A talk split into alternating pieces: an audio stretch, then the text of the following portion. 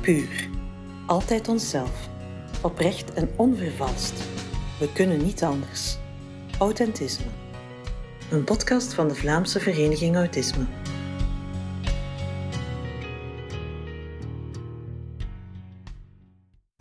Kei voor Autisme is een gemeenschappelijke campagne in het kader van Wereldautismedag op 2 april.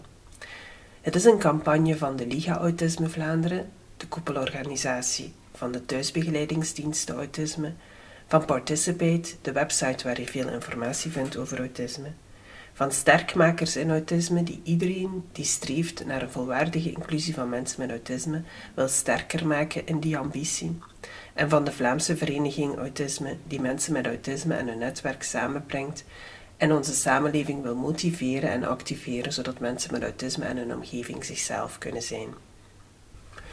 Het doel van de campagne is een stimulans geven aan de autismevriendelijkheid in Vlaanderen door autisme en autismevriendelijkheid op een concrete manier in de kijker te zetten. Ik ben Marianne Smeers en vandaag zit ik samen met drie mensen die we graag in de kijker willen zetten. Rebecca, vrijwilliger aan de autismetelefoon en het infohuis van de VVA, Bieke, die werkt in de bibliotheek van sterkmakers in autisme, en Martien, die de website van Participate onderhoudt. Ze dragen elk hun steentje bij om meer begrip voor autisme te creëren. We vinden hen een kei voor autisme.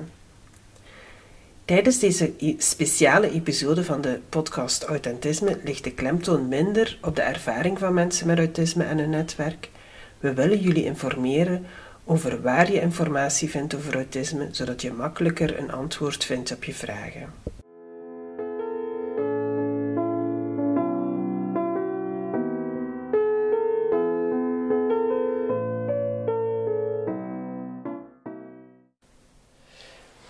Rebecca is vrijwilliger bij de Vlaamse Vereniging Autisme. Ze is een van onze vrijwilligers die je hoort als je de autisme-telefoon baalt. Je vindt haar ook tijdens het infohuis Autisme, waar ze de bezoekers warm onthaalt. Luistert naar hun verhaal en haar eigen ervaring met autisme met hen deelt. Welkom Rebecca. Hallo. Rebecca, kan je de luisteraar vertellen wat de autisme-telefoon precies is en wie er terecht kan? De autisme-telefoon is eigenlijk een beetje een soort van uh, hulplijn. Uh, iedereen kan daar naartoe bellen. Uh, mensen met of zonder autisme, maar die personen betrokken zijn bij autisme. Ehm, in veel gevallen ouders bellen, personen met autisme zelf en zo. Maar ook soms professionelen. Gelijk een auticoach die iemand begeleidt of die soms op iets stoot of die informatie wil vragen. Wij zijn vooral ervaringsdeskundigen, dus wij gaan van onze eigen ervaringen uit. Dus wij zijn zelf ook mensen met autisme of persoonlijk betrokken. Like ik zelf, ik heb een man met autisme en mijn zoon heeft autisme. Um, wij, luisteren altijd met een open geest. Um, mensen komen soms gewoon voor een babbel, maar uh, anderen hebben dan een directere vraag. Um, wij proberen ook mee te denken, om samen op zoek te gaan naar eventuele antwoorden of verduidelijking soms van kleine dingen, misverstanden onder elkaar, partners of zo. Um, alles wat bij ons gezegd wordt, blijft ook altijd onder ons. Wij proberen daar altijd een vertrouwensband ook in te scheppen. Um, wij proberen ook veel begrip te tonen, omdat wij zelf ook de situatie heel goed kennen. Dus uh, ja, dat is een beetje. Ik, probeer ook altijd de mensen gerust te stellen door tegen hen ook te zeggen dat ze bij mij ook niks kunnen miszeggen. Dus soms verkeerde opvattingen of zo die ze op het werk hebben. En dan hebben ze ja, dat op een verkeerde manier uit of zo. Dat is aan door het telefoon geen kwaad kan, want daar kan dat opengetrokken worden en kan te verduidelijkt worden wat er misschien misgegaan is in dat moment. Ja. Dus dat, dat mensen een bepaalde situatie meegemaakt hebben, maar dat ze zo niet goed weten van hoe was het nu wel oké of niet. En dat ze dan bellen naar de autisme-telefoon om dat een keer te vertellen. Ja, klopt. Maar zo, ja, je, moet altijd ook een beetje diplomatisch blijven. Hè? Je moet een beetje opendenkend zijn. Um, wij hebben ook niet de antwoorden klaar of de oplossingen klaar. Autisme is ook heel breed aan een spectrum.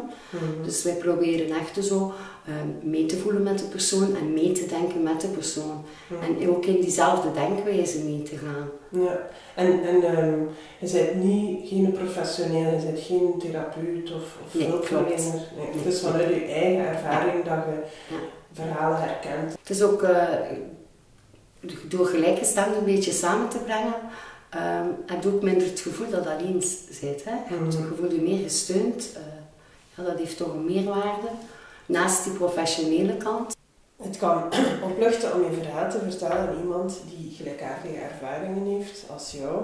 Maar dat is niet alleen aan de autisme-telefoon, maar ook in het infohuis autisme dat de Vlaamse Vereniging Autisme organiseert. Eh, waar is dat infohuis precies? Ehm, het infohuis die gaat ehm, in Gent door, op, in het Groot Begijnhof, daar zit ik ook meestal. Ehm, maar ook in Antwerpen, Geel en in Kortrijk.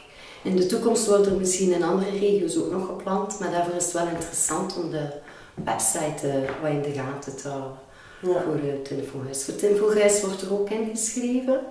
En eh, wordt er ook soms een groepsgesprek gedaan met thema, maar dat kun je dan allemaal online zien als je naar de inschrijving gaat.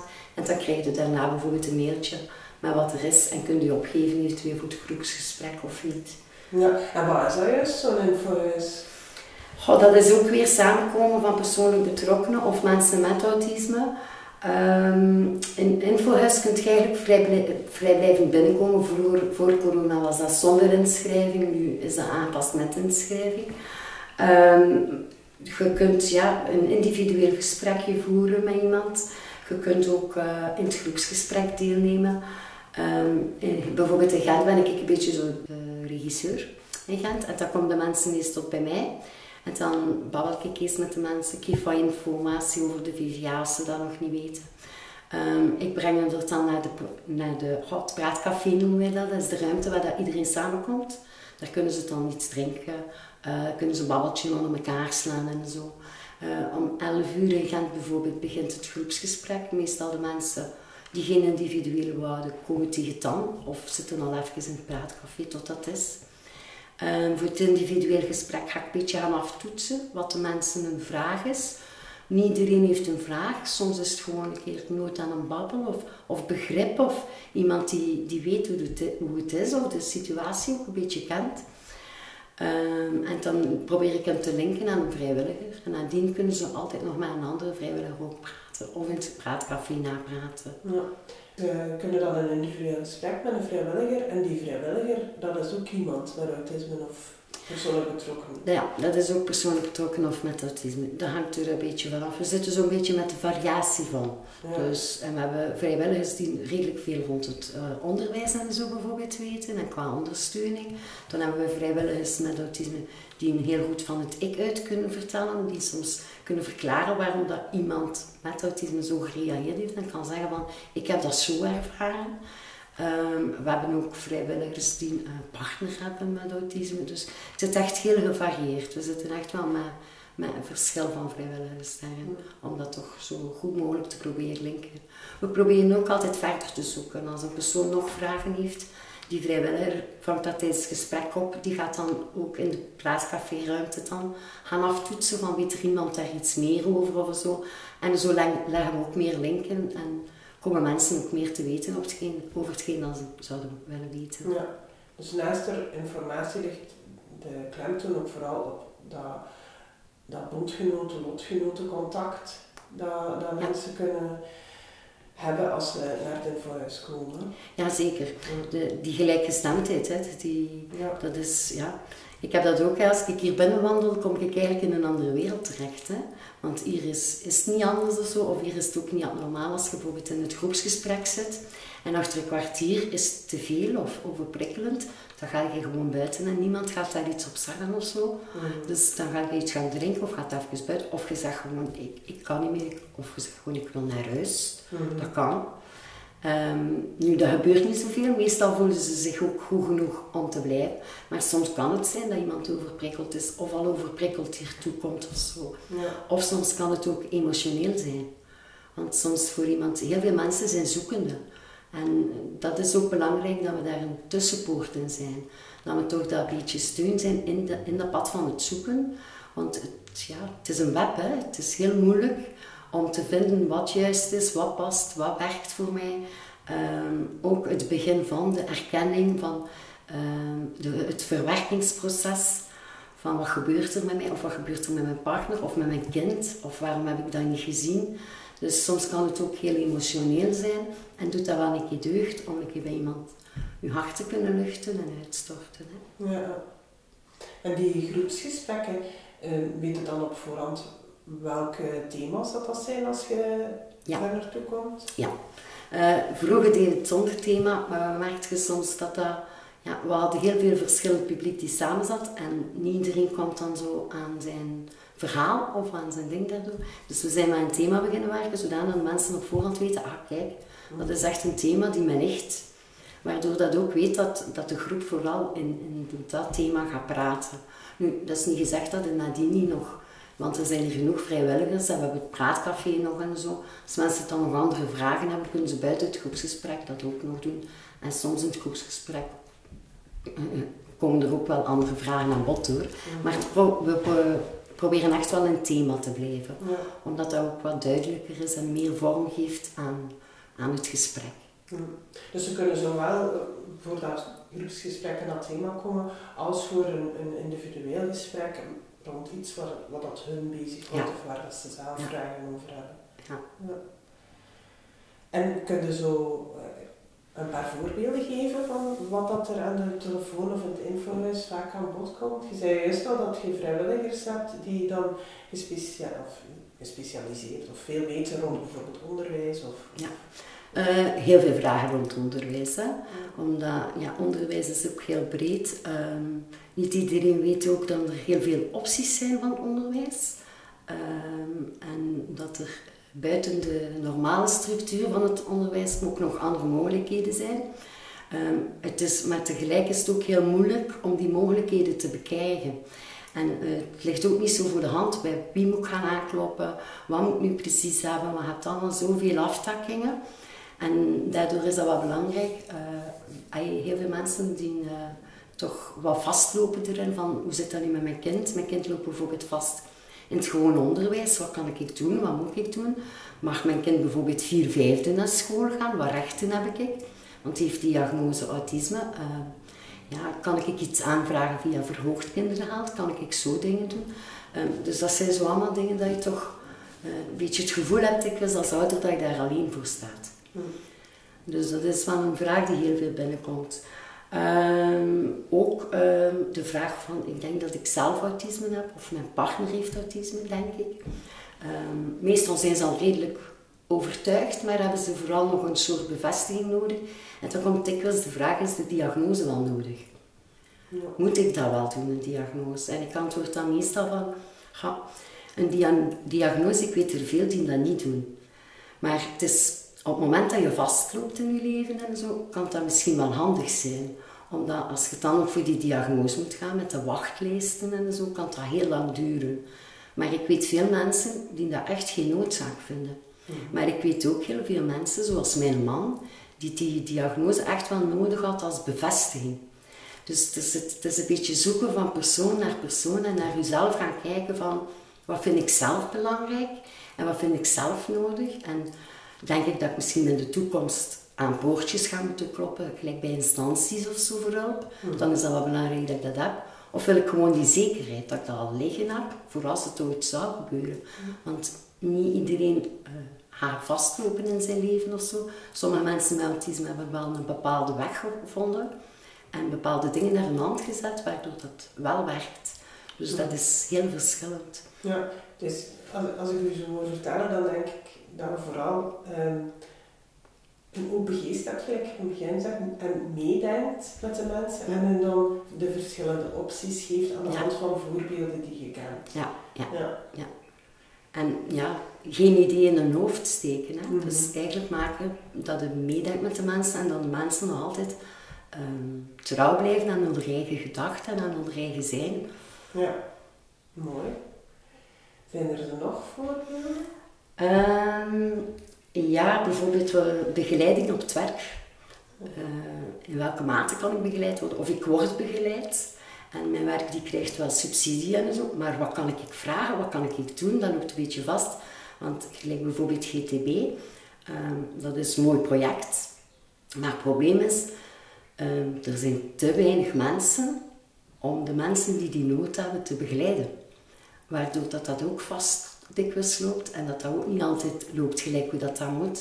Dus mensen vragen zich dan af, wat recht heb ik? Uh, kan ik op de afhaak lopen, maar ik durf dat niet. Gaan ze mij niet ontslaan dan? Uh, dat zijn zo dingen die toch bij veel mensen spelen. Mm gelijk uh, jobbegeleiding zou ik dat wel doen. Vertel ik autisme of niet op mijn werk? Dus, en dan, ja, ik, als ik naar mijn man kijk bijvoorbeeld voor autisme te vertellen, dan zeg ik van, je gaat dat wel zeggen als je er klaar voor bent en als je je goed genoeg voelt. Mhm. In de situatie waar dat je goed voelt. Dat is, ja, mijn man heeft nooit op zijn werk of zo gezegd.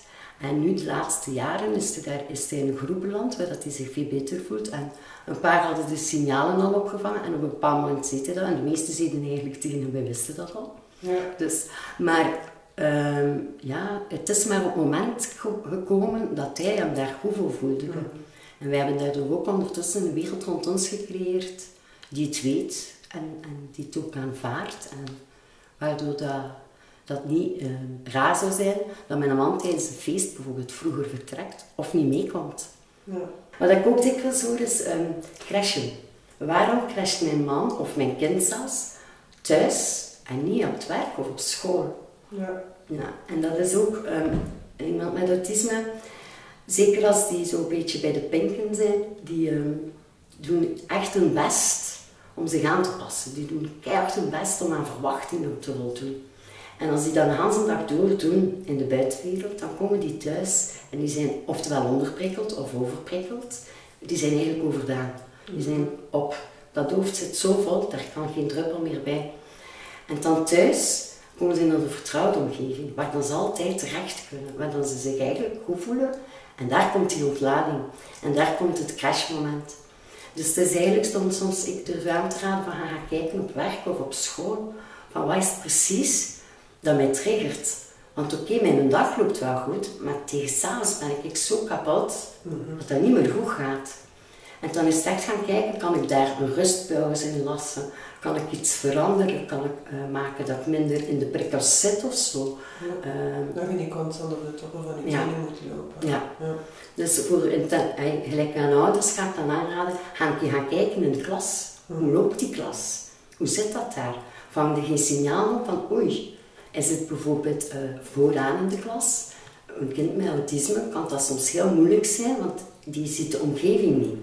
Zien wat er allemaal rondom hem gebeurt. Waardoor dat hij heel afgeleid kan zijn, want al die prikkels en geluiden komen binnen, maar hij ziet ze niet.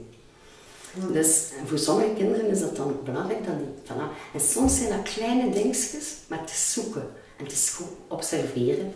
Observeren. Ja. Uh, Rebecca, jij bent al heel lang vrijwilliger bij VVA. Wat drijft jou om dat te blijven doen? Goh, ik doe dat ondertussen 13 jaar ongeveer al het zijn. En eigenlijk leer ik elke dag nog bij. Ik, uh, ik vind de mensenverhalen altijd heel boeiend. Ehm, die steunen mij ook enorm. Het is ook een hele grote wisselwerking. Het voelt niet aan of, of ik hun begeleid of zo. Het voelt echt aan als een gesprek die de samen voert en samen op zoek gaan naar iets. Dus um, ja, ik, uh, ik weet nog goed als ik met mijn zoon en mijn man zijn autisme, ik ben ook heel ziek geweest. En ik ben eigenlijk geïsoleerd geraakt. En ik zat op mijn eilandje heel alleen. En ik had zo geen sociaal contact meer en zo. En dat was eigenlijk ook, ja, ik schermde mijn gezin af. Want mijn gezin kon met bepaalde dingen moeilijk komen. Toen wist ik met mijn man nog niet hoe dat zat. Bij mijn zoon wel al. Maar toch deed ik dat automatisch. En soms een beetje te veel zelfs. Dat ik het afschermde, waardoor dat ik zelf ook afgeschenkt werd van de buitenwereld. En uh, op een bepaald moment dan de VVA ontdekt. En bij de VVA gekomen, vrijwilligerswerk zo geleidelijk aan, want ik, was echt in mijn schulp gekropen. Ik weet nog goed, ik kwam bij, de, bij de vrijwilligers op de tweedaagse de eerste keer en ik stond in een hoekje en ik heb geen autisme. Maar dat is gewoon omdat ik al die jaren daar zo uit was. En ik stond echt in een hoekje, maar op redelijk korte tijd, mensen stelden mij gerust, gaven mij een goed gevoel. En dus zo een wereld, ja, de mensen zijn anders. En dat is juist zo aangenaam eraan. En het wordt ook aanvaard. En ik zou het eigenlijk niet meer kunnen missen ook. Uh, hetgeen dat ik allemaal met de VVA in die jaren geëvolueerd ben, is echt immens. En nog steeds evolueer ik bij, leer ik bij, want elk verhaal is anders, elk verhaal is uniek. Um, mensen geven mij ook tips. En soms, gelijk er was zo iemand die zei tegen mij van, hij weet nu toch wel heel veel over autisme. En ik antwoordde gewoon, maar hij zou je moeten weten wat ik van u geleerd heb. Ja. Hij, weet, hij, weet heel veel dat hij zelf niet beseft. Er zijn heel veel dingen die je eigenlijk al toepast, zonder dat je daarbij stilstaat. Omdat dat een automatisme om wordt. En dat, dat die mevrouw dan ook zegt, ah ja, eigenlijk. Dus dat is zo, ik vind dat echt een heel grote wisselwerking, een meerwaarde. Ehm, ik heb dat ook, alles wat ik daar geleerd heb, heb ik toegepast op mijn gezin. En we hebben veel rollercoasters gehad. Zowel in de relatie als met mijn zoon. En ik moet zeggen, het is mede dankzij mijn vrijwilligerswerk en de mensen waar ik mee praat en die bellen en naar het infohuis komen en zo, dat, dat, dat wij dat tot een goed punt kunnen brengen. En dat wij iedere keer als we naar beneden gaan van die berg, stressberg ze en dat niet goed gaat, dat we weer naar omhoog klimmen. En dat we toch altijd een nauw vast hebben. Dus ja, ik, uh, ik raad dat ook aan veel mensen aan. Hè. Van kom naar de VVA, je zit in een andere wereld, gelijkgestemden. Uh, ja. Dankjewel, Rebecca, om jouw verhaal te delen. Graag gedaan.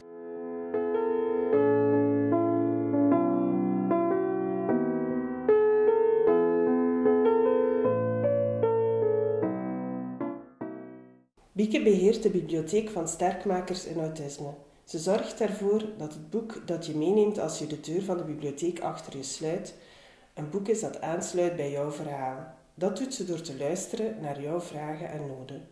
Ze weet welke boeken er verschenen zijn en vindt een goede match. Welkom, Bieke. Dank je, Marian.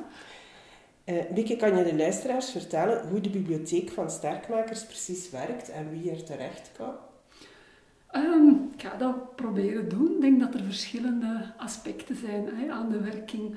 We proberen heel laagdrempelig te zijn en voor een, ja, zoveel mogelijk mensen hè, ja, iets te kunnen betekenen.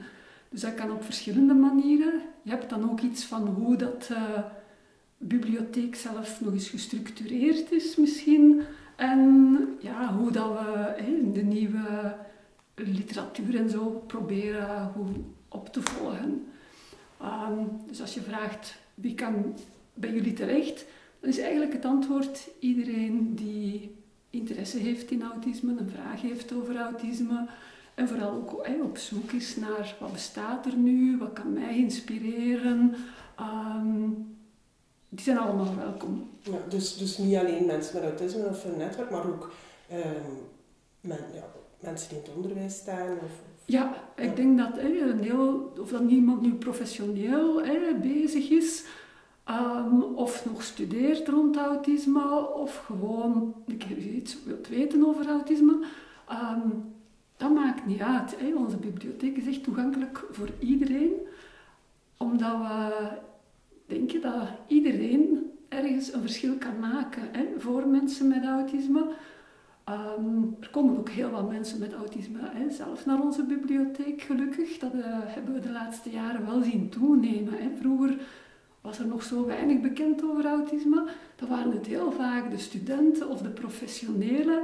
Terwijl nu proberen we, en zien we dat ook echt wel, dat de vragen meer komen hè, van mensen met autisme zelf, van hun gezin, omgeving, familie, partners. Uh, en dat is mooi, omdat we ja, hen rechtstreeks kunnen bereiken, hè, voor hen uh, iets kunnen betekenen.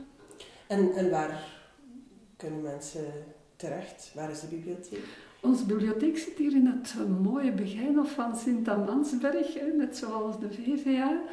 En eigenlijk ligt dat op 10 minuutjes afstand van Gent-Dampoortstation. Dus we zijn op dat vlak vrij vlot te bereiken. Maar openbaar vervoer, vervoer, hè, een locatie in Gent is sowieso nog altijd een hoge drempel. Dus heel veel vragen komen ook gewoon bij mij in de bib toe via mail. Hè. En dan zie je dat er ja, vragen over heel Vlaanderen uh, tot bij ons kunnen raken. Pak nu, hè, we zijn een vrij gespecialiseerde bibliotheek, dat mensen echt een specifiek boek zoeken, maar niet weten waar beginnen, dan kunnen ze bij ons wat suggesties krijgen hè, of een trefwoordlijst van kijk, over vrouwen en autisme bijvoorbeeld. Deze publicaties die zijn al bij ons. Dan hebben ze een concrete titel om bijvoorbeeld te gaan kijken, zit dat bij mij in de bibliotheek in de buurt ook? Hè? Of als dat niet zo, niet zo is, uitzonderlijk kunnen mensen ook per post eens een boek ontlenen bij ons. Dus hè, ook op dat vlak proberen we echt drempels te verlagen hè, ja, en suggesties te doen dat mensen niet naar Gent moeten komen. Daarom, uh... Ja, fijn. Misschien nog een paar andere aspecten van hè, laagdrempelig zijn dat we echt bewust nastreven, is dat onze bibliotheek is gratis. Hè. Iedereen is welkom. Je kan gewoon ook artikels komen zitten lezen. Die kunnen ter plaatse enkel bekeken worden.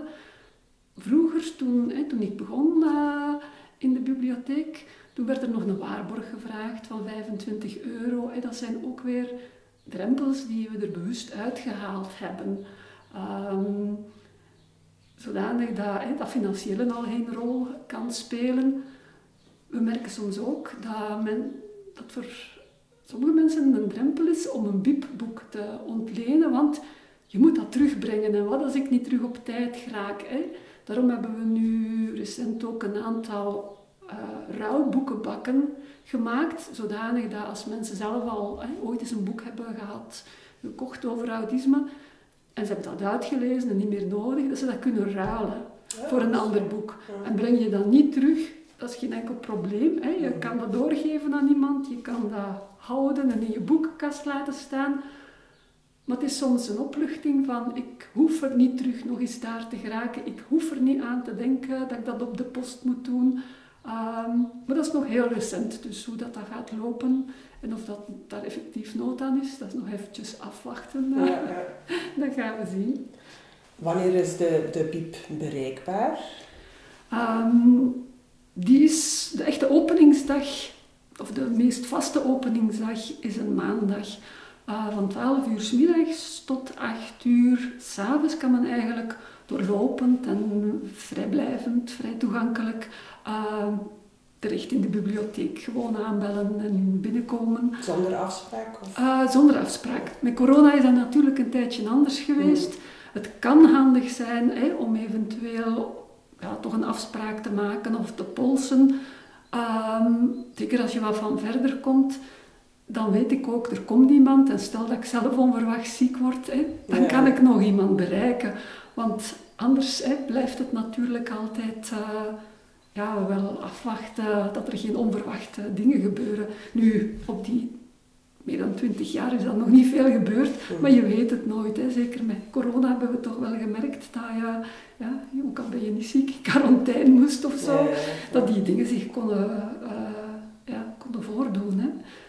Maar eigenlijk is de bedoeling dat mensen gewoon hè, kunnen zien op onze website, in het automatisch antwoord van de mail, van wanneer is de BIP nu open. Want tijdens verlofperiodes kunnen er uitzonderingen zijn naar aanleiding van ja, een heel specifieke uh, actie of een evenement. Uh, kan er eventueel eens een verschuiving zijn. Maar over een heel jaar tijd kunnen we wel zeggen dat maandag de vaste vrije openingsdag is van 12 middags tot 8 uur s'avonds. Ja. En ik zag op jullie website dat mensen ook een afspraak kunnen maken op andere momenten. Of heb ik dat verkeerd ja, begrepen? dat kan inderdaad. Maar dan is het samen wat puzzelen. Want hè, de tijd en de middelen zijn nu helaas ook wat beperkt. Hè, ik werk maar deeltijds uh, in, voor de bibliotheek. En dan is het een beetje, een beetje zoeken. Hè. Kan het moment dat ik op een andere dag een afspraak kan maken, lukt dat ook voor jou? Uh, of niet? Hè? We proberen te kijken en ik kan alleen maar zeggen dat we altijd moeite doen. Als het echt niet kan op die maandagen om iets te vinden, of via mail of op een andere manier. Uh, maar dat we ja, het moeten doen met de middelen die we hebben natuurlijk. Ja. Ik hoor uit, u, hetgeen dat je vertelt dat, dat toegankelijkheid heel belangrijk is hm? voor jullie. Dat, je zo, dat mensen hun, op hun gemak voelen om uh, naar de biep te komen. Um, hoe, hoe gebeurt ik kan mij voorstellen, zo'n begin of al die huizen zien er hetzelfde uit en je moet dan door die deur, dat dat niet altijd zo makkelijk is. Um, is dat met een balie of een onthaal? Of, of? Nee, eigenlijk op het moment dat de biep open is, ben ik degene die de deur open doet. als mensen dan op voorhand al eens via mail contact gaat hebben, ja, dan hebben ze al een klein idee ja, wie ik ben of wat ik al gezegd heb, dat ik hem verwacht ook.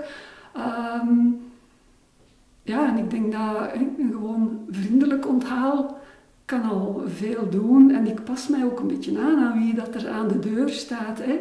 Soms merk ik dat mensen toch echt wel eventjes tijd nodig hebben om te bekomen, om te wennen aan een ruimte. Ehm, ik ga ofwel dan een klein beetje uitleg geven, zien, wil je liever even rondkijken. Maar doorgaans ja, gaan mensen veel ontspannender wel naar buiten dan dat ze soms kunnen binnenkomen. Um, ja, ik begrijp dat. En, en je, hebt niet, je hebt niet alleen als professioneel ervaring met autisme, maar ook, je bent ook persoonlijk betrokken. Ik ben ook uh, mama van ondertussen twee uh, volwassenen met autisme. Ja, ik heb heel veel familieleden, kennissen, vrienden uh, met autisme. En eigenlijk heb ik, als ik zo terugblikte dan, ben ik altijd wel ergens verbonden geweest met iemand met autisme. Heel lang zonder dat ik het zelf wist. Ik heb ook als opvoedster gewerkt binnen VAPH-voorzieningen heel veel kinderen met autisme gezien die niet altijd de diagnose kregen um, of al hadden gekregen. En daar altijd wel een, een link mee gehad. Uh, ja. ja. dus ja, ik ben een beetje omringd door autisme, als je dat zo kan zeggen. Hè. Maar dan op een, op een, op een, goede, een goede manier, in een fijne werkomgeving. En ja, met hele lieve familieleden die ook autisme hebben. Ja, en uh, met, met welke vragen of wat zoeken mensen specifiek als ze bij jou in de bib komen? Dat is heel verschillend, denk ik. Hè. Er zijn heel veel vragen ja, die zo... Hè, help mij op weg, hè, waar moet ik beginnen? Um, mensen die zoekende zijn. En dan heb je zo de algemene vragen, hè, dat het ook kan gaan om iets dat handicap specifiek is. Hè. dat van tel is, ook als er autisme in sprake is, naar hulpverlening. Of waar vind ik nu psychologische begeleiding? Ehm, ja, wat, kan ik concreet doen of bij wie kan ik terecht? Dus je hebt zo die zoekende vragen. En dan merk ik, zijn, is er ook zo'n heel groot deel van mensen die een stuk begonnen zijn aan die zoektocht, die veel concretere, explicietere of ja, meer specifieke vragen krijgen hè, rond een bepaald thema dan. Um, zoals ja, eetproblemen bij, bij hun kind. Of hoe kan ik om, beter omgaan met stress? Welke literatuur bestaat er daar rond? Dus de, de vragen zijn eigenlijk zeer, zeer divers van, van thema's. Um, sinds dit jaar hè, moeten we zo ook voor uh, de verslaggeving een beetje dingen in kaart brengen. En zo zijn er toch wel al 63 thema's eigenlijk die bevraagd worden. Dus dat gaat van heel algemeen uh, op weg uh, helpende informatie tot soms zeer specifiek over een zeer specifiek thema. Ook, ook op dat vlak is, is het aanbod in onze bibliotheek zeer divers en ook de vragen die er komen zijn eigenlijk vrij divers. Ja. En niet iedereen die leest even vlot. En daarom dat we ook deze podcast lanceerden. En soms is luisteren makkelijker dan lezen. Maar er bestaat ook heel veel beeldmateriaal over autisme. Is dat ook beschikbaar in jullie bibliotheek? Um, wat wij hebben in de bibliotheek zijn een beperkt aantal dvd's hè, en beeldmateriaal. Nu, beeldmateriaal mogen wij ook niet zomaar ontlenen. Hè. Of we deden dat vroeger, maar dat gaf regelmatig problemen. Dus wat dat kan, is dat dat beeldmateriaal op een laptop bij ons in de bib bekeken kan worden. Ehm, wat dat ook gaat, is de kennismaking hè, met beeldmateriaal. Dus wat denk ik veel meer nog van belang is in onze bibliotheek, is dat mensen die zoeken naar beeldmateriaal, hè, dat we die kunnen verwijzen naar wat bestaat er zoal. Hè. Je hebt uh, ja, een pakket bij de Liga, Autisme Vlaanderen, die iets gemaakt hebben in beeld. Er bestaan verschillende um, schooltelevisiepakketten rond autisme. We hebben heel wat speelfilms ook, die, ehm, waar een personage met autisme in aan bod komt. Wat het meest bekeken wordt bij ons, denk ik, zijn die getuigenissen. De levensloopreeks van de Nederlandse Vereniging Autisme was op dat vlak bijvoorbeeld wel een mooi, uh, ja, een mooi pakket. Het zijn ook altijd weer een verhaal, een beeld, uh, dus ook weer niet voor iedereen. Dus als er dan echt problemen zijn van ik lees niet graag, ik lees niet veel, dan probeer ik ook weer mee te denken van wat kan u dan wel helpen. En zelf vind ik dat bijvoorbeeld heel belangrijk in ons PIP, dat daar ook toegankelijke materialen zijn. Dus dat kan gaan om een, een eenvoudigere brochure. Een kinderboek is niet hetzelfde, vind ik, als een boek voor kinderen. Hè. Soms zitten daar zeer goede, beknoptere, toegankelijke info in, die ik als volwassene even waardevol vind, maar gemakkelijker hè, om te lezen, toegankelijker. Er zijn publicaties die echt heel concrete info geven. Ik denk aan een werkboek uh, voor uh, kleuters, mensen met een verstandelijke beperking, waar echt hele concrete dingen te zien zijn van hoe kun je iets organiseren, een activiteit die aangeboden wordt, maar die mensen kunnen inspireren. We hebben een paar stripverhalen, zo'n graphic novels, uh, ook die dingen maken dat er heel veel diversiteit in ons aanbod komt. Je hebt ook een aantal luisterboeken, maar pak nu, ik weet niet precies of welke boeken uh, rond autisme daar al voor beschikbaar zijn. Dus dan verwijs ik naar de bibliotheek voor mensen met uh, slechtziendheid, die, blinde mensen. Er zijn een paar autisme-titels die ingelezen geweest zijn. Maar het is, blijft nog altijd heel veel verbale informatie dan. Dus ik denk dat het belangrijk is dat we echt ja, heel veel diversiteit hebben. Om, om dan mensen toch iets van informatie op hun maat te kunnen aanreiken. Als ik het goed begrijp, dan kunnen mensen, ook mensen die niet, niet vlot lezen, kunnen ze toch bij jou terecht en zoek jij samen met hun van welke info heb je nodig en op welke manier kunnen we die best ja. uh, aanbieden. Dus dat. Ja, want je hebt, zo, ja, je hebt de website van Participate natuurlijk, daar staat heel veel in. Uh, dat is nog altijd een massa. Er is ook zo'n website, een Franstalige website dat ik toevallig had ontdekt, waar eigenlijk een soort van kleine animatiefilmpjes in staan die iets illustreren voor ouders dan. Um, dat kunnen heel concrete dingen zijn, hè, van ja, niet direct een voorbeeld, maar hoe kan ik uh, mijn dochtertje iets nieuws aanbieden? Ik zeg maar iets. Dat zijn altijd zo ja, ongeveer drie of vier minuutjes beeldmateriaal. ook daar zitten veel zaken in die kunnen ingezet worden om iets te verduidelijken, om iets te tonen aan ouders. Dat is dan in het Frans, maar door de ondersteuning van dat beeld, de toegankelijkheid en vooral het concrete van wat dat je ziet, kan dat ook alweer ja, zinvolle info zijn. En zo is het eigenlijk altijd zoeken naar hé, wat bestaat er en mensen inspireren met dingen die bestaan, informatie verbinden aan elkaar. Uh, dat is wat ik belangrijk vind in onze bibliotheek. Belangrijker soms dan enkel maar, kijk hier hebben we dertig titels over dit. Of, uh, het is een beetje de zoektocht mee aangaan met mensen. Uh, jij werkt al heel lang bij sterkmakers en als ik u zo hoor vertellen, dan, dan merk ik wel dat je heel gedreven bent om, om mensen toch goed te helpen en te luisteren naar hun verhaal. Uh, wat drijft jou om deze job te doen? Er zijn veel dingen natuurlijk uh, die, die mij daarin drijven. Hè. De, de connectie die ik had met autisme was een van de eerste drijfveren om daar te komen werken. Ehm, ik werkte in een grote voorziening voor kinderen, mensen met een beperking, waar ik heel veel autisme tegenkwam. Maar dat dateerde echt nog van een tijd waarin dat er nog zo weinig kennis over autisme was. Waarin sommigen nog het idee hadden, oh, die hebben een diagnose, maar we gaan dat niet zeggen, dat de mensen toch niet hè, verkeerd naar hun kijken. Zo heel veel misverstanden.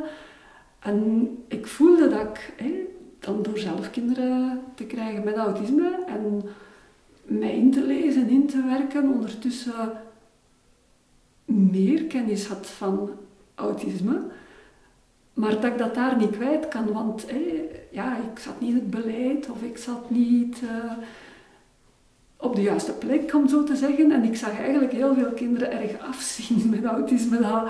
Mijn hart uh, ja, brak daar zo op de duur een beetje. Uh, dus ik dacht van nee, we moeten ergens iets doen waar we een positief verschil kunnen maken ook.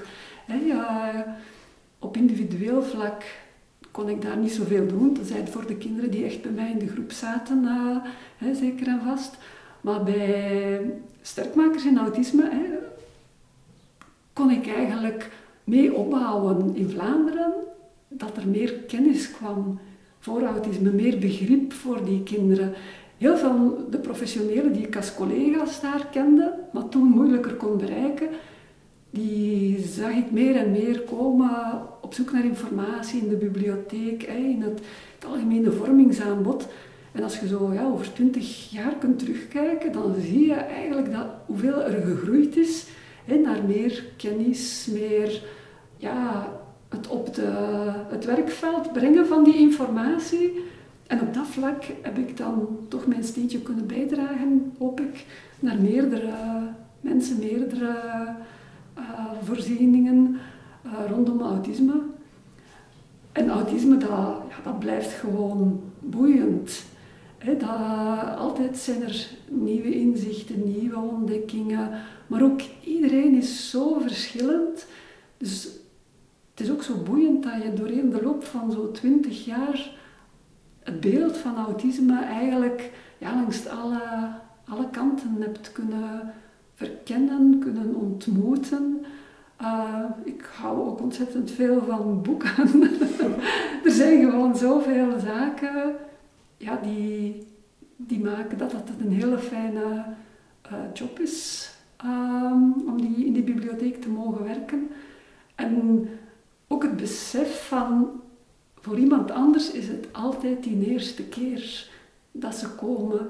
Hè, die onzekerheid van vroeger, die, die ervaren mensen altijd terug opnieuw. Er is nog altijd niemand, geen enkele mama, geen, hè, geen enkel eender wie, die geboren wordt met een volledige kennis, inzicht of begrip van dit is autisme, dat betekent autisme voor mij in deze situatie. Dus ja, je, je blijft die herhalen ook herkennen en dan vind ik, ben ik het verplicht om te proberen elke keer even goed terug iemand op, wat op weg te proberen helpen als de eerste keer. Hè. Het is niet omdat voor mij na twintig jaar zoveel, ja, telkens weer misschien diezelfde vraag of zoektocht is. Ik vind het heel belangrijk dat ik mij kan blijven aansluiten bij iemand anders zijn vraag. Uh, ja, die gedrevenheid daarvoor zal toch wel een van de belangrijke redenen zijn, denk ik, waarom ik het uh, nog altijd met heel veel plezier blijf doen. Dat is heel fijn. Dankjewel, Pieke.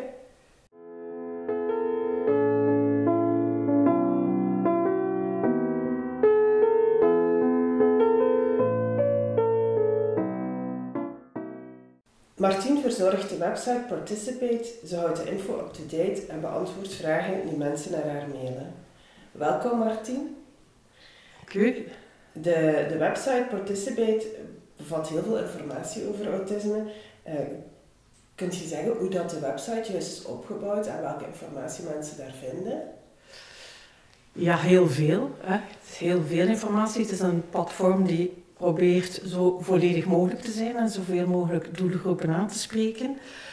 Ehm, ja, de verschillende ingangen vind je op de, op de homepagina. Hè. Daar vind je de verschillende deuren als het ware om binnen te stappen in de informatie die je misschien zoekt. Hè. Het is opgedeeld in, in drie grote delen. Hè. Het eerste deel is om autisme te begrijpen. Hè. Dus daar uh, kan je heel veel lezen over wat is eigenlijk autisme, maar ook om het echt te gaan begrijpen van binnenuit.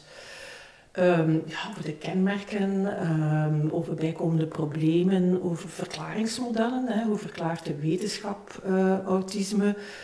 maar ook de sterke kanten, de oorzaken, wat weten we daar al over, maar wat is ook foute informatie, dat staat ook in vermeld. Hè? Dus één groot deel om autisme te leren begrijpen. Want dat is de eerste insteek om te weten hoe kan je dan ondersteunen. En dat is dan ons tweede deel, hè, een kind helpen in de ontwikkeling. Uh, en daar uh, tonen we een methodiek vooral van hoe ga je aan de slag als je ziet er zijn problemen, mijn kind kan dat nog niet en ik wil het aan leren. En daar vind je heel veel informatie voor verschillende rubrieken. Hoe kan je dan bijvoorbeeld communicatie uh, stimuleren? Hoe kan je dus, ja, de relaties met anderen bevorderen? Vrije tijd, uh, invulling, uh, autonomie, hè, zelfstandigheid gaan stimuleren. dus heel veel praktische zaken. maar er zit toch wel een, methodiek in die we tonen van gaat eerst gaan observeren, gaan kijken naar je kind om het te begrijpen, om dan ja, een doelstelling te kiezen voor je kind, om dan vervolgens eigenlijk aan de slag te gaan en dan vind je heel veel voorbeelden ook. Het is niet alleen een technische uitleg, maar er zitten zodanig veel voorbeelden in en, en foto's uh, om je te laten inspireren om vooral uh, zelf aan de slag te kunnen. En dat zijn de eerste twee grote delen en dan een derde deel is uh, ondersteuning zoeken en daar zit heel wat in. Hè. Dus daar zitten al onze hulpmiddelen in, al onze tools die dan ook gratis zijn, die je kan gebruiken, zitten in het derde deel. Ja. dus een, drie grote delen uh, op de website. En dat tweede deel, dat is alleen voor uh, ouders dan? Of dan voor, met kinderen of ook voor volwassenen? Het is minder voor volwassenen. Het is echt wel gericht aan, uh, aan ouders in deze plaats. Hè. Dat was ons eerste doelpubliek waar, toen dat Participate ontstaan is, was het enkel voor ouders die nog maar pas te horen krijgen, uw kind heeft autisme. Dus de eerste handvatten geven, uh, om te begrijpen wat is er aan de hand en wat kan ik nu zelf doen. Uh, maar die website is gegroeid, hè, dus er staat nu ook wel informatie op voor volwassenen en jongvolwassenen. Maar dat tweede deel is toch eigenlijk wel uh, voor ouders, maar dan van kinderen die zowel ja, heel ernstig autisme hebben, samen met een verstandelijke beperking, ehm, tot kinderen die normaal begaafd zijn van alle leeftijden. -hmm. Uh, maar ook voor begeleiders. Hè. We zien dat toch heel wat begeleiders uh, ja, ook dat deel gaan bekijken om te weten van hoe kan ik het overbrengen aan ouders en uh, hoe kunnen we ze helpen zodanig dat het, ja, dat ze echt die handvatten hebben om, om thuis in het dagelijkse leven aan de slag te kunnen. Ik herinner me nog toen mijn zoon destijds zijn diagnose autisme kreeg, dat ik heel veel naar de website Participate ging om naar die filmpjes te kijken, omdat ik, vond dat veel makkelijker dan uh, al uh, boeken lezen of, of lange teksten lezen. En op zich is dat wel een hele goede manier om mensen te informeren.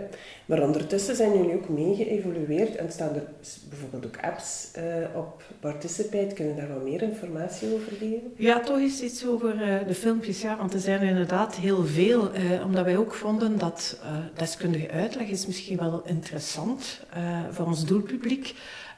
Maar er kan wel meer. Hè? Dus, dus die filmpjes spreken enorm aan, inspireren ouders. Hè? Want je ziet ze echt bezig in het dagelijkse leven. Hè. Ze vertrekken vanuit een probleem die ze ervaren. En je ziet, je ziet echt uh, hoe ze dat aanpakken. En welke hulpmiddelen dat ze gebruiken. En ze vertellen dan ook ja, welk effect dat, dat dan heeft en wat, wat resultaat dat ze daarmee geboekt hebben. En dat zet mensen aan om zelf dingen uit te proberen. En dat was ook ons doel. Hè. Dat is uh, minder passief iets lezen, maar het echt zien geeft toch wel meer effect soms. Ja, en eh, we zijn inderdaad geëvolueerd. Hè. Dus uh, er zijn heel wat tools opgekomen uh, op die, die website. Hè. Een eerste tool is, die we gemaakt hebben is de wegwijzer. Hè. Dat is een, een tool om informatie te bundelen over een kind met autisme en dan, dat dan door te geven aan ja, de leerkracht, de sportmonitor of de babysit. Hè, zodanig dat ze het kind leren kennen, echt leren kennen. Niet zozeer dat, ze dan, dat een leerkracht een autisme-expert moet worden, maar toch het autisme van het kind kunnen leren kennen. Hè, wat moeilijk loopt, wat die sterktes zijn, maar ook hoe dat ze kunnen ondersteunen. Een tweede tool die we dan gemaakt hebben uh, is ja, de Atlas. Uh, de Atlas is uh, speciaal voor volwassenen gemaakt om hun autisme in kaart te brengen. Ehm, ja, ook wat moeilijk loopt bij hem, waar ze goed in zijn, waar ze tegenaan lopen en wat dat ze nodig hebben om, om zich comfortabel te voelen. Hè, zodanig dat ze aan hun eigen autisme eigen woorden kunnen geven. En dat eventueel kunnen doorgeven, maar dat hoeft niet. Ik denk dat dat echt wel een tool is voor henzelf. Ja. Uh, ze kunnen dat online invullen, maar ze kunnen ook de gratis uh, werkboeken downloaden en ja, met pen en papier werken. Ja. Dan hebben we ook nog een, een, enorme tool, de praktische gids. En dat is een verzameling van informatie, zodat je zicht krijgt op het zorglandschap. Want dat is heel ingewikkeld. Er zijn heel veel voorwaarden aan verbonden om toegang te krijgen tot ondersteuning. Bijvoorbeeld financiële steun, maar ook toegang tot een, tot een voorziening. Um, en daar geven we ja, alle uitleg over, uh, zodanig dat ze geïnformeerd keuzes kunnen maken. Daarover gaat het. En dan onze laatste is uh, de Dynamo-app. We noemen het een app, maar vollediger zou zijn dat het een Progressive Web Application is. Hè, dus een webapp. Dus ga niet gaan zoeken in Google Play of de App Store, want je kan hem niet downloaden. Je zit eigenlijk op een website, uh, speciaal Dynamo, maar die gedraagt zich wel als een app. En die is gemaakt voor volwassenen met autisme, vanuit de vaststelling dat er heel wat volwassenen met autisme te kamp krijgen met een enorme vermoeidheid. Tot uh, zelfs autistische burn-out uh, noemen ze dat dan. Vanuit een, niet zozeer vanuit stress voor werk of op het werk, maar levensstress. De dagelijkse stresservaringen. En met deze app kunnen ze ja, zicht krijgen op hun eigen energiebalans. Dus uh, ja, wat zijn hun persoonlijke energievreters? Maar ook, en dat is ook belangrijk te weten, wat zijn hun persoonlijke ja, energiebrengers. Wat brengt een uh, energie? Ja. Wat levert een energie op? Hè, zodanig dat, ze, dat er meer balans komt. Ja. En dat is uh, onze laatste tool, uh, die ook te vinden is op, op de website uiteraard. Je geeft nu zo een hele duidelijke structuur van de website en de tools die, die erop staan, maar ik heb gehoord dat de website gaat veranderen, de structuur van de website. Ja, inderdaad. En dat is misschien wel uh, ja, absoluut nieuw dat ik dat breng, naar buiten breng. Dat is echt een scoop voor uh, podcastluisteraars. Hè. Die website wordt helemaal herzien nu. En uh, is al helemaal anders uitzien. De layout dus gaat anders uh, eruit zien. Het werd echt wel tijd om het autisme vriendelijker te maken. En uh, we zitten daar al heel ver in. En we checken dat ook bij uh, mensen met autisme, onze gebruikers. En ze zijn zeer lovend, dus ik kan bijna niet wachten. Maar het is toch nog even wachten. Ik denk 2023 dat we online gaan. Maar niet alleen die layout gaat veranderen, maar vooral ook die webstructuur. Ik denk dat mensen veel gemakkelijker nu hun weg gaan vinden, omdat we uh, specifieke ingangen gaan geven voor onze doelgroepen. Want er zijn heel wat verschillende doelgroepen die onze website bezoeken en die daar een eigen ja, vragen uh, willen beantwoord zien. En daarom gaan we een ingang geven voor mensen met autisme, volwassenen met autisme. Een poort als het ware om binnen te stappen. en ook één voor ouders en begeleiders en ondersteuners. En misschien dan later uh, ook voor partners van een uh, persoon met autisme. Uh, ja, wie weet ook voor werkgevers van personen met autisme. En natuurlijk hebben we nog volledig onze blok Wat is autisme? Gaan we ook nog hebben. en al die tools wat ik net verteld heb, die gaan ook nog te vinden zijn, uiteraard. Hè. maar het zal veel intuïtiever gebruikt kunnen worden. Want ik hoor nu toch soms dat mensen een beetje hun weg verliezen in die website door de veelheid van informatie. Ja ik denk dat het ook een beetje logisch is, omdat je dat met de tijd opgebouwd hebt en dan uh, wordt het altijd maar meer en meer. Hè. Zo is het inderdaad gebeurd en zitten er zaken in het derde deel die eigenlijk beter thuis horen in een ander deel en uh, het zal veel makkelijker zijn om de informatie uh, te vinden. Ja. Er bestaat heel veel informatie over autisme online, in boeken, onderzoeken die gedaan worden. Hoe weet jij dat informatie die je op de website Participate zet, dat die correct is? Het is zo dat ik dat niet alleen maak. Hè. Dus daar zit een, een, een ploeg achter. Uh, we hebben ook een, een, wetenschappelijk comité. We werken samen met de experten uh, op gebied van autisme in België. Hè. Dus, dus verschillende professoren, mensen van uh, sterkmakers, Peter Vermeulen. dus iedereen die, die expertise, echte expertise heeft en, en ja, die hebben we bevraagd en die hebben ook teksten aangeleverd. En nu, nu we aan het actualiseren zijn voor uh, ja, de nieuwe website, uh, de hernieuwing van de website, worden die terug allemaal bevraagd om te kijken van, is dat nog actueel? Ik hou wel dingen bij. Ik ga dat ook wel gaan bekijken en checken en ik heb ook al dingen aangepast. Hè, want we zijn tenslotte gestart in 2006, dacht ik, of 2007. Um, ja, de wetenschap uh, ja, ontwikkelt en uh, brengt nieuwe dingen en er wordt aangevuld. Maar het is niet ik alleen. Hè. Alles wordt uh, ja, bevraagd bij, bij toch de experten. En zodanig dat we eigenlijk wel kunnen zeggen dat onze informatie wetenschappelijk onderbouwd is. Ja. Hoe weet je eigenlijk, of hoe vind je eigenlijk in die, op die website met enorm veel informatie, de informatie die voor uw situatie relevant is? Uh, het is zo dat ik inderdaad aan, uh, aan ouders of een ieder aan wie dat ik uh, verwijs naar de website er altijd ga bij zeggen, kijk, dat is heel veel. Hè. Dat is enorm veel en maak je keuzes. Doseer vooral. Hè. Ga, je vertrek vanuit je vraag. Hè. Wat zijn nu noden op dit moment? En het is niet als ouder de bedoeling van je krijgt te horen, mijn kind heeft autisme dat je dan, uh, om een goede ouder te zijn, die volledige website moet lezen. Absoluut niet. Ik raad het zelfs af. Uh, ga vooral vanuit uw vragen uh, naar die website. En er zit natuurlijk ook wel een, een zoekfunctie op. Hè. Stel dat uw eerste vraag is wat, waar, waar, je wil iets rond doen. Hè. Mijn kind eet bijna ja, niet gevarieerd. Uh, ja, tik daarin, uh, mijn kind eet niet gevarieerd of eetproblemen. En dan vind je de informatie die voor jou op, dit, op dat moment uh, van belang is. Ja. het is geen boek die je van bladzijde 1 tot bladzijde, ik weet niet hoeveel, een paar duizend zelfs. Het is enorm uitgebreid, gaat lezen. Ja. En je doet, je doet meer dan alleen een website onderhouden en, en uitbouwen. Mensen kunnen je ook mailen met vragen die ze hebben. En welke vragen krijg je zoal?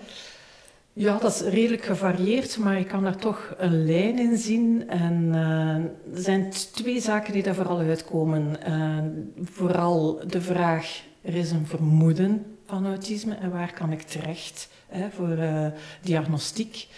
En dat zijn ouders die, die mij mailen, maar de laatste tijd en zelfs de laatste jaren zijn dat vooral volwassenen. En die willen dan ook vaak weten, ja, is dat wel nuttig voor mij om uh, ja, die, die diagnostische procedure uh, aan te vatten.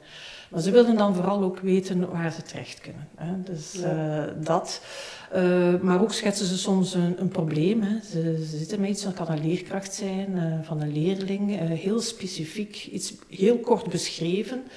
En dan kan ik eigenlijk alleen maar verwijzen naar de website, naar pagina's die interessant kunnen zijn of een filmpje die ze eens kunnen bekijken. Want een hele korte beschrijving in een mail is voor mij soms onvoldoende om heel goede gerichte informatie te geven. En een derde vraag die vaak terugkomt is ja, echt weten waar kan ik terecht uh, en hoe kan ik dan die steun krijgen? Uh, ja, het, het zorglandschap is zeer ingewikkeld. Uh, zeer versnipperd toch nog altijd. En er zijn heel veel aanvraagprocedures en voorwaarden aan verbonden. En voor mij is het vrij simpel om dan een link te maken met een aantal, of met één, zelfs één pagina in onze praktische gids. Want daar staat het eigenlijk allemaal in. Ja. En uh, ja, dat zijn zowel de drie zaken die het meest voorkomen in mijn uh, mailbox. Um, je doet deze job al heel lang. Wat drijft jou om dit te blijven doen? Ja, ik vind dat ik uh, een fantastische job heb. Uh, ik doe hem heel graag, uh, maar wat drijft mij juist? Ja, het is, ja, ik denk toch wel ook de reacties van ouders die ik al gekregen heb. En ook wel van beroepskrachten die mij vertellen van... Ik begin mijn werkdag met het openen van de website. die staat al klaar, hè, want ik krijg vragen. Die staat al klaar, dus... Ja, het was onze bedoeling hè, van de VZW Participate om heel wat informatie te bundelen. Hè? Dus uh, op één platform, hè? zodanig uh, dat mensen niet van het kastje naar de muur uh, verwezen worden, maar dat ze het op één plaats vinden. En ik hoor toch al ja, hier en daar dat we, dat we daar redelijk goed in geslaagd zijn. En ja, dat doet wel deugd. deugd. En ja, dan ja, werk je daar graag aan verder. Dus ja, ik vind gewoon dat ik een super fantastische job heb. Dat fijn. Dankjewel Martien om je verhaal te delen. Heel graag gedaan, Marian.